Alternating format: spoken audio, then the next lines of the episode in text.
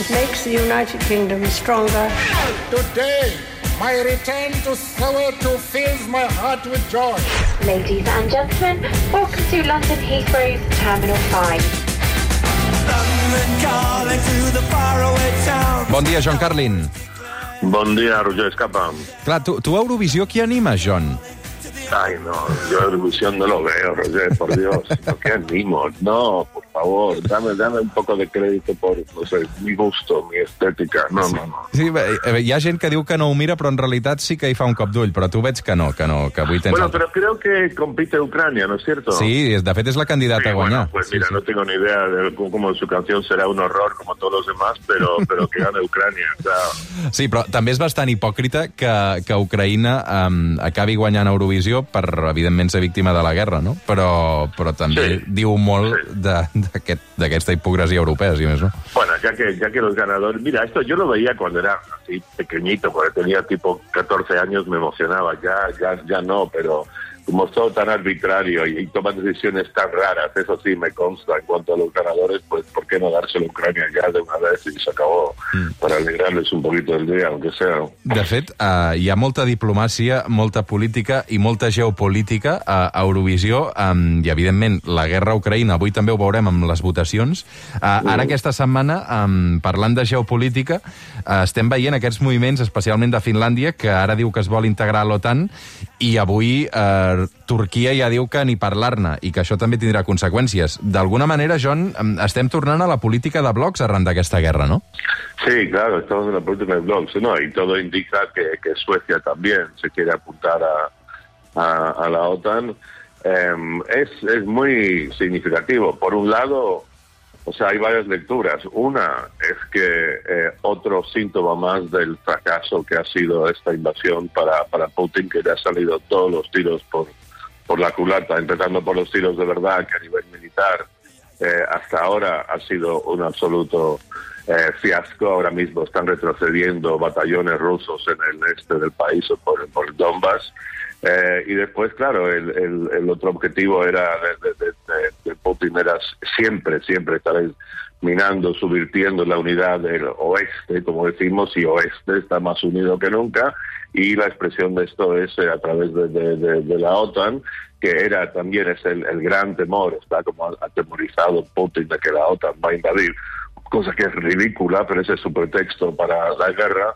No quiere que la OTAN, que la OTAN se, expanda y ahora eh, Finlandia, que tiene 1.300 kilómetros, creo, de frontera con Rusia, se va a incorporar y todo indica que Suecia también. Y es interesante porque son países que, que los conocemos, ¿no? Los países escandinavos son pacifistas, son gente cuyo capitalismo es muy diferente al salvaje de Estados Unidos, pero dada la situación ha habido un cambio de opinión pública colosal desde, la invasión de Putin y ahora se, se, se, se, refuerza el bloque eh, defensivo contra Rusia.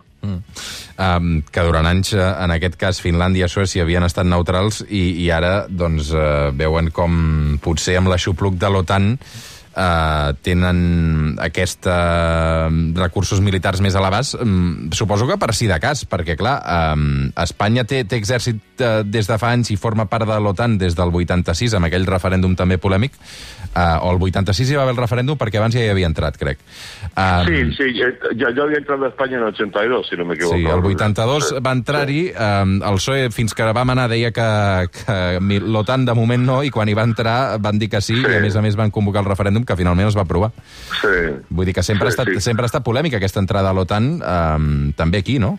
Sí, bueno, en ese momento era, era, era polémico. Eh, te digo una cosa, por cierto. eh, hace unos cuatro o cinco años yo eh, hablé con Felipe González de manera informal en el jardín del embajador de Colombia en Bruselas.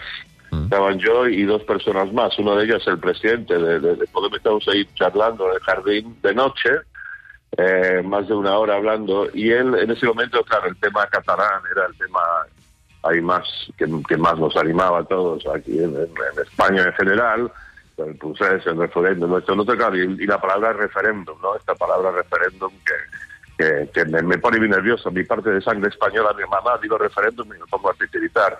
Eh, lo digo en broma.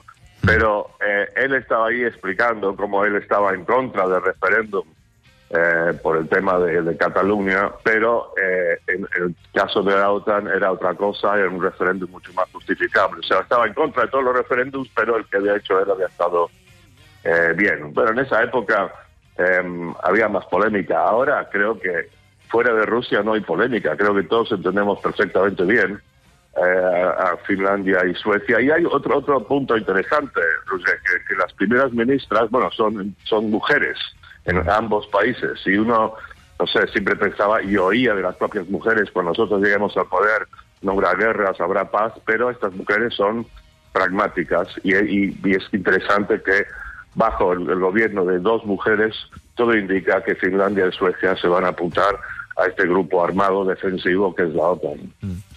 Clar, um, continuem amb la incògnita de com s'acaba aquesta guerra, no? Avui vindrà Lluís Caelles, que, que ha estat a Ucraïna també aquestes últimes setmanes per explicar-nos um, com ho ha viscut, uh, però realment això es pot anar eternitzant i anar desapareixent dels informatius, John.